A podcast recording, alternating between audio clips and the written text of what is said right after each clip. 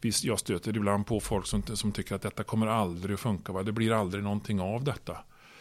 Eh, men det har jag väldigt svårt. Alltså, vi använder ju en väldig massa främmande material. Höftprotes i rostfritt stål och en, en eh, ledhåla i plast.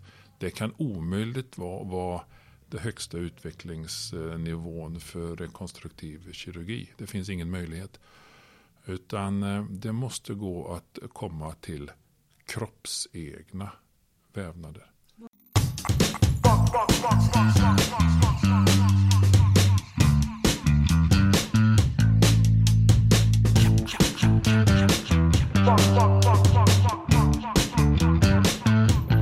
Välkommen till Akademiliv, podden från Sahlgrenska akademin, den medicinska fakulteten vid Göteborgs universitet. Jag heter Susanne Westergren. Och jag heter Elin Lindström och vår gäst idag det är Lars Kölby. Välkommen till podden. Tack så mycket. Du är professor i plastikkirurgi med inriktning kraniofacial kirurgi. Och du är även överläkare vid eh, Sahlgrenska universitetssjukhuset inom plastikkirurgi. Det stämmer det ja. Mm. Som plastikkirurg så möter du ju många olika patientgrupper och för många av dessa patienter finns ett behov av, ska vi säga, reservdelar. Det kan till exempel vara en ny hud efter en svår eh, omfattande brännskada, en bröstrekonstruktion efter cancer, uppbyggnad av ansiktsskelett som demolerats, eller ett, cancer, ett första öra för någon som är född utan.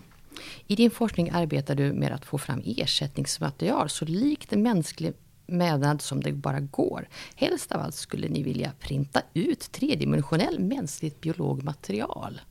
Ja, det, det, är ganska bra beskrivet. Det är precis så vi har tänkt oss det hela. Mm. Eh. De här eh, reservmaterialen som står till buds idag, vad, vad är det för problem med dem? Vad är det ni försöker lösa? Ja, alltså inom plastikkirurgin, alltså nu pratar vi rekonstruktiv plastikkirurgi.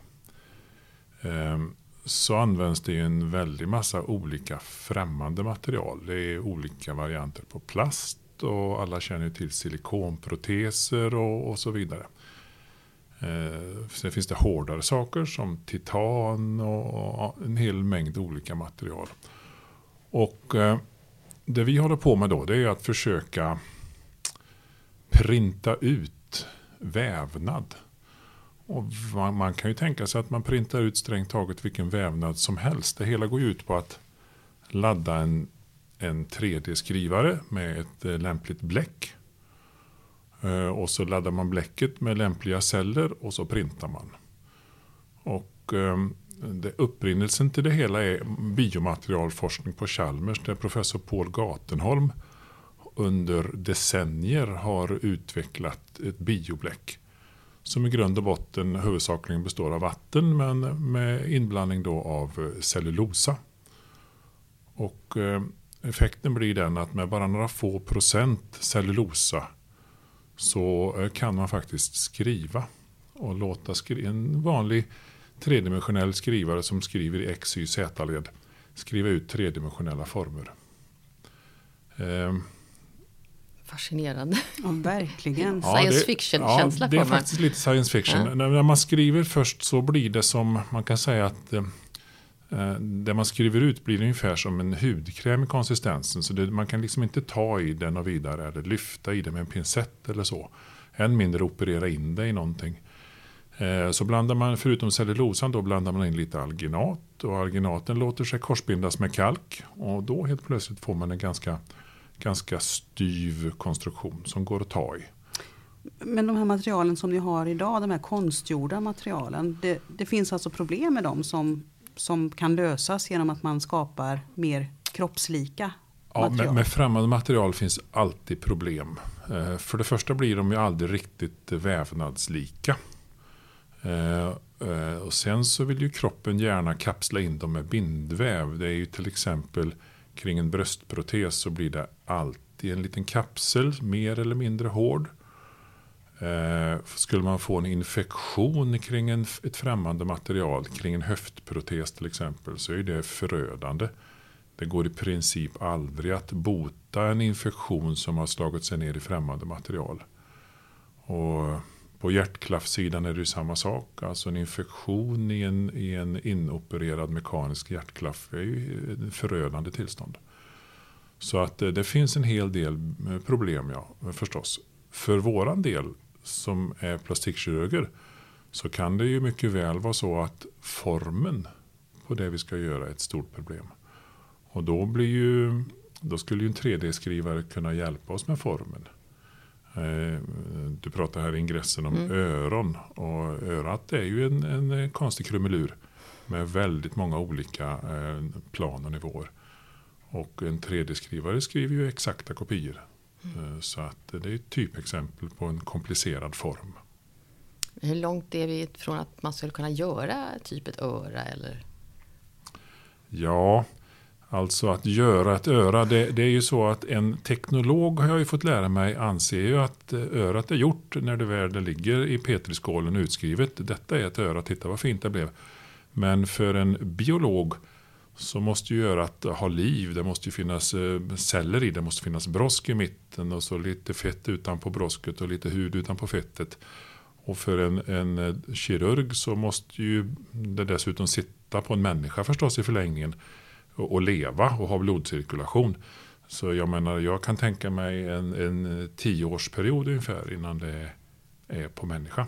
Mm. Men alla de här delarna som du nämnde, alltså brosk och hud och fett, det är sådana material som ni jobbar med att försöka skriva ja, ut? Det är det vi jobbar med. Brosk hittills eh, fungerar bäst. Broskceller är väldigt tåliga för, för syrebrist eller låg tillgång på syre. Så de går relativt lätt att skriva och hantera och utskrivna och så. Ehm, fett är betydligt känsligare. Men där har vi jobbat med att, eh, att skriva ut eh, fett som är mikrofrakturerat, eh, krossat i små, små, små, små bitar. Så att man kan låta det gå genom skrivaren då och det fungerar. Men var kommer det fettet ifrån? Det kommer från fettsugning från människor. Okej, så att man skulle kunna ta patientens eget fett Precis. och suga ut det och då skulle det ju vara väldigt identiskt. Det är just det som är en stor finess då att om man nu skulle konstruera någonting av en speciell form så skulle man då ta material från patienten själv. Och då innebär ju det att då slipper vi ifrån allt detta med immunreaktion, avstötning och så. Mm. Hur är det med huden då? Ja, huden skulle man i förstone kunna tro är en enkel sak, eh, liksom ett litet skikt. Men huden är ett ganska komplicerat organ. Ehm, den består ju av, av eh, dermis som är, eh, innehåller mycket bindväv och ovanpå det ligger själva hudcellerna, keratinocyterna. Ehm, och så har vi lite färg, lite melanocyter som ger oss lite brun färg. Eh, men eh, det är ju liksom inte nog med det utan i där finns det ju sen både talgkörtlar och eh, nervceller och svettkörtlar och så. Så det är en rätt komplex struktur. Vi har faktiskt skrivit ut lite primitiv hud på försök. Och just i det projektet så samarbetar vi med Linköping för de är väldigt framstående vad gäller sårläkning, brännskador och hud, hud och så.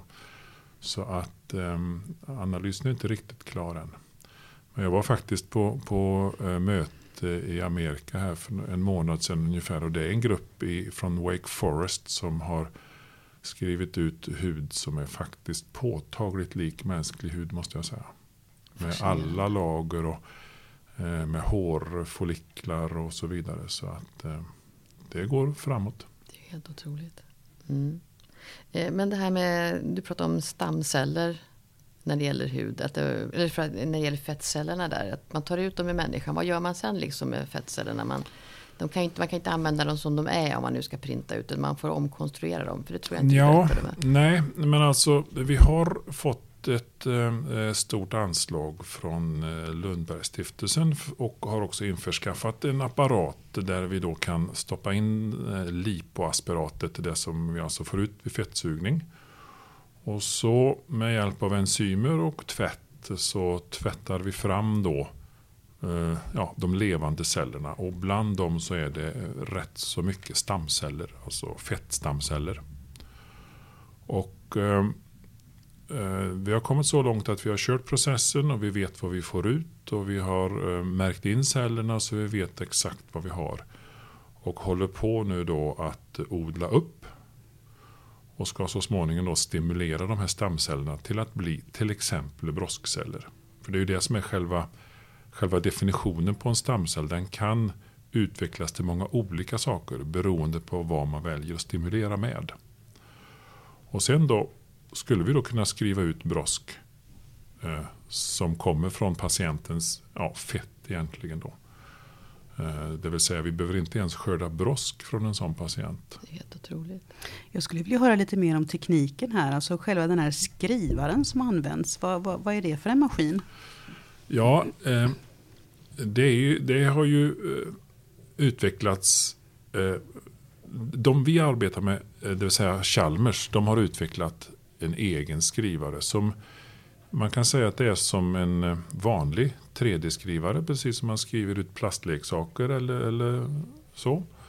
Och eh, det finns lite olika principer, men den vi arbetar mest med kallas för extrusion printer, det vill säga den trycker ut ungefär som en vanlig plastspruta. Där en pistong trycker eh, och eh, sprutar ut bläcket då i andra ändan. Och ehm, så kan man då ha ett antal sådana sprutor med olika bläck om man vill och förstås då med olika cellblandning. Och så pro programmerar man då den där eh, skrivaren att eh, gå i en viss eh, ordning i X, Y, Z-led och lager för lager så skriver den upp.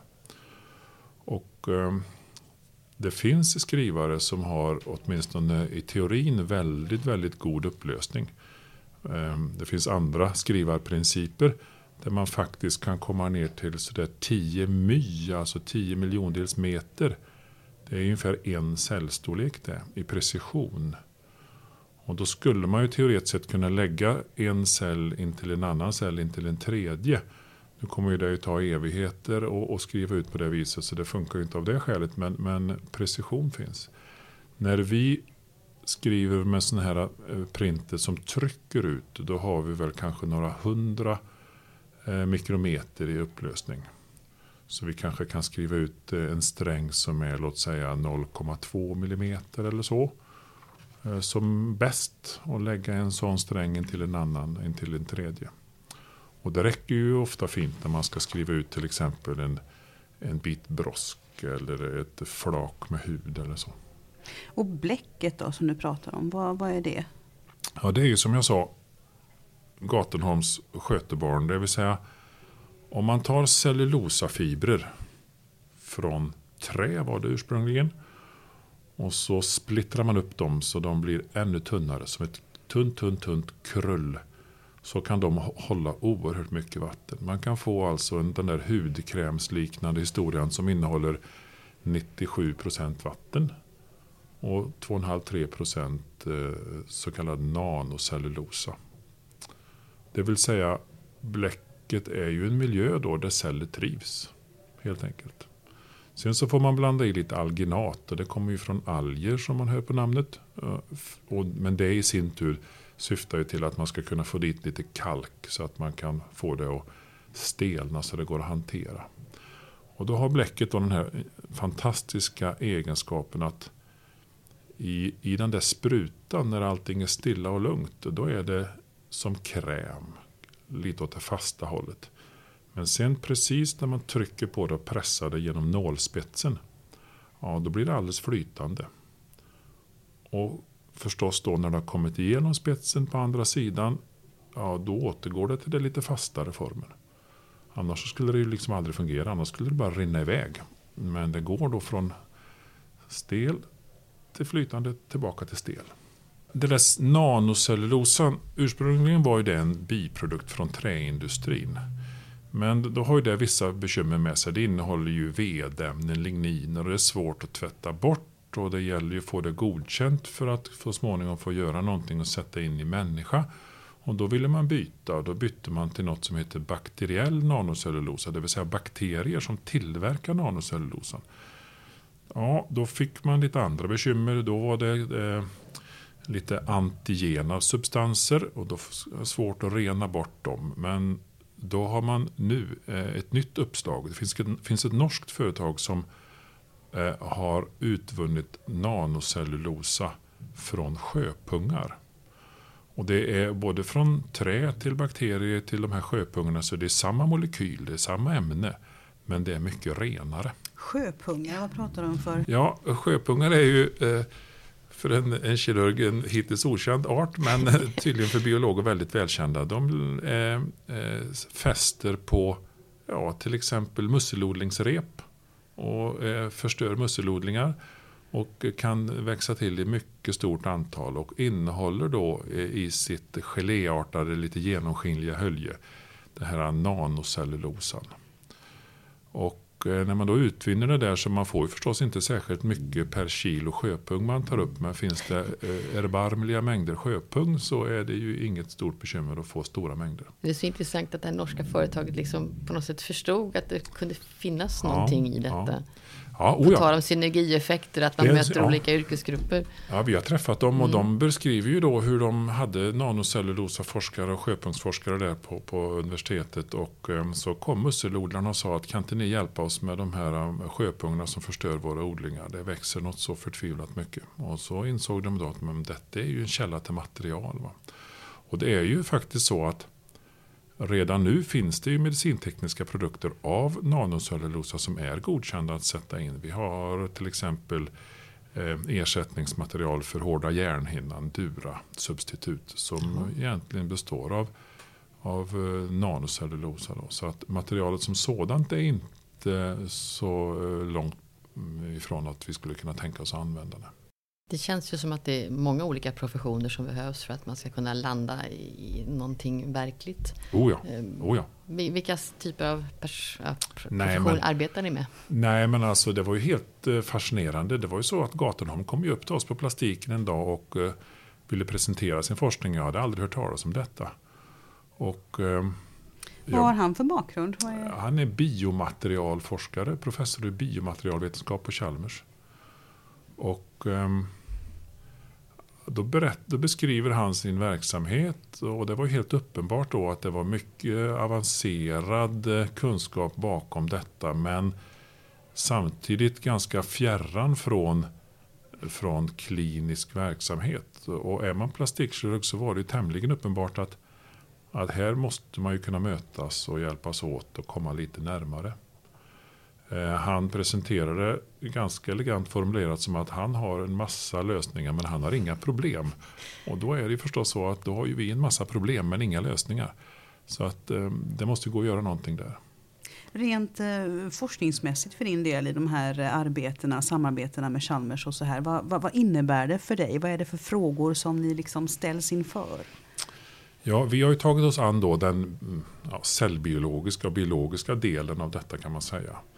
Och eh, det kan ju vara, ja, i första omgången då är ju förstås att överlever cellerna printing överhuvudtaget. De gillar ju inte att man trycker och pressar dem igenom den här nålen. Och då får man ju reglera då så att nålens diameter är stor nog så att de, så att de överlever. Och eh, sen då eh, våra konstruktioner, hur ser det ut inuti där? Vi, man kan odla de här konstrukten i petriskålar i labbmiljö. Eller man kan förstås sätta dem i en djurmodell.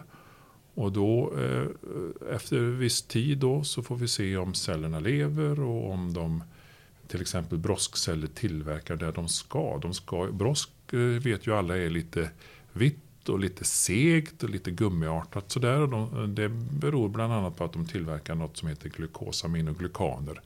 Långa sega molekyler eh, som bidrar till de mekaniska egenskaperna. Och då måste vi ju kontrollera att cellerna lever och att de tillverkar just det där. Va? Hur går det då? Hur det går alldeles förträffligt bra. Det Berätta. går faktiskt eh, förvånansvärt bra. Printar vi det som vi kallar då för 3D-bioprintat brosk och låter det eh, frodas eh, i en djurmodell, låt säga några månader, så plockar vi ut bitar som är vita, blanka, lite sega, böjbara, och tittar vi på dem i mikroskop så är det alldeles fullt med levande broskceller som producerar mängder av de här ämnena. Då. Du pratar något om blodkärl också, att det är viktigt att få blodkärlsförsörjning till de här brosk... Ja, ja det är ju helt uppenbart att, att om man ska skriva ut någon, någonting med lite större storlek så på ett eller annat sätt måste ju näringsämnen och syren komma, komma, syre komma fram till cellerna. Eh, brosk är ju visserligen tåligt eh, för lågt syretryck men det ska ju ändå fram på något vis. Eh, och eh, då är ju det eh, en eh, 10 000 kronors fråga här. Hur ska vi få till blodförsörjning i det som är lite större? Ehm, och det är många som jobbar med det över hela jorden kan jag säga. Ehm, man skulle förstås kunna printa kärl och det har man gjort här ehm, ja, professor Risberg på kirurgen eh, på sin tid var långt eh, framme här med konstgjorda blodkärl. Men nu är det inte riktigt det. Nu är det ju de här konstrukten som ska försörjas på något vis. Och då har vi lite grann eh, med tur får man väl säga märkt att när vi printar fett då helt plötsligt finns det små blodkärl alldeles utan att vi gör någonting. Och det kommer sig sannolikt av att det där fettet är, som jag sa, mikrofrakturerat. Det vill säga små flisor av blodkärl kan följa med. Och då hamnar de förstås eh, godtyckligt i tre dimensioner i, den där, i det där konstruktet. Och blodkärl har ju den egenskapen att de cellerna är programmerade för att bilda blodkärl. Det vill säga de sprider sig och söker upp varandra och kopplar ihop sig. Så i det där fettet där så har vi märkt att det finns mycket blodkärl. Men tänk vad roligt du som är plastikkirurg, så mycket mer du måste ha liksom fått lära, så mycket mer saker du har fått tänka på, på ett nytt sätt. På. Oh ja. Vad spännande. Ja, ja, men, men det är ju det som är det roliga. Att träffa andra människor som tänker på helt andra sätt. Annars så, ja, men det är faktiskt fantastiskt kul. Du förmedlar ju en oerhört stark optimism inför framtiden här. Ja, no, det finns ingen anledning att vara pessimist. Det, det, måste fungera. Det kommer fungera på ett eller annat sätt. Alltså, visst, jag stöter ibland på folk som, som tycker att detta kommer aldrig att funka. Va? Det blir aldrig någonting av detta. Eh, men det har jag väldigt svårt. Alltså, vi använder ju en väldig massa främmande material höftprotes i rostfritt stål och en, en ledhåla i plast. Det kan omöjligt vara, vara det högsta utvecklingsnivån för rekonstruktiv kirurgi. Det finns ingen möjlighet. Utan eh, det måste gå att komma till kroppsegna vävnader. Var går gränserna då, tror du för vad man skulle kunna skriva ut? Jag tänker framförallt på organbristen och sånt där. Kan man se en framtid där det här skulle kunna ersätta njurar? Ja, alltså det är ju alldeles klart att det jag har pratat om hittills, eller det vi pratar om här, det är ju vävnader snarare än organ. Visserligen kallade jag huden ett organ, men om vi backar lite grann och kallar det för vävnad så låter det inte lika pretentiöst. Ehm, men frågan alltså var gränsen går, ja då tror jag nog att det finns ingen gräns. Det går i alla fall inte att se. Det finns förstås en gräns men det går inte att se den. Det kan jag inte tänka mig att, att vi har begrepp om det. Det finns utskrivet eh, det som man skulle kunna kalla för organ, det vill säga eh, små bitar av något som fungerar som en njure eller fungerar som en lever. Eh, men det innebär ju inte att det går att operera in det. Att liksom. Sen finns det de som har skrivit ut stora saker. Det var en israelisk grupp som skrev ut ett hjärta. Ja, men det är samma sak med det. Eh, visst, eh, det slår och rör på sig. Men det är ju för en, för en medicinare är det ju inte ett hjärta förrän det sitter på plats och gör jobbet. Mm. Så att, eh, men det innebär ju inte att det aldrig kommer att gå. Förstås. Mm.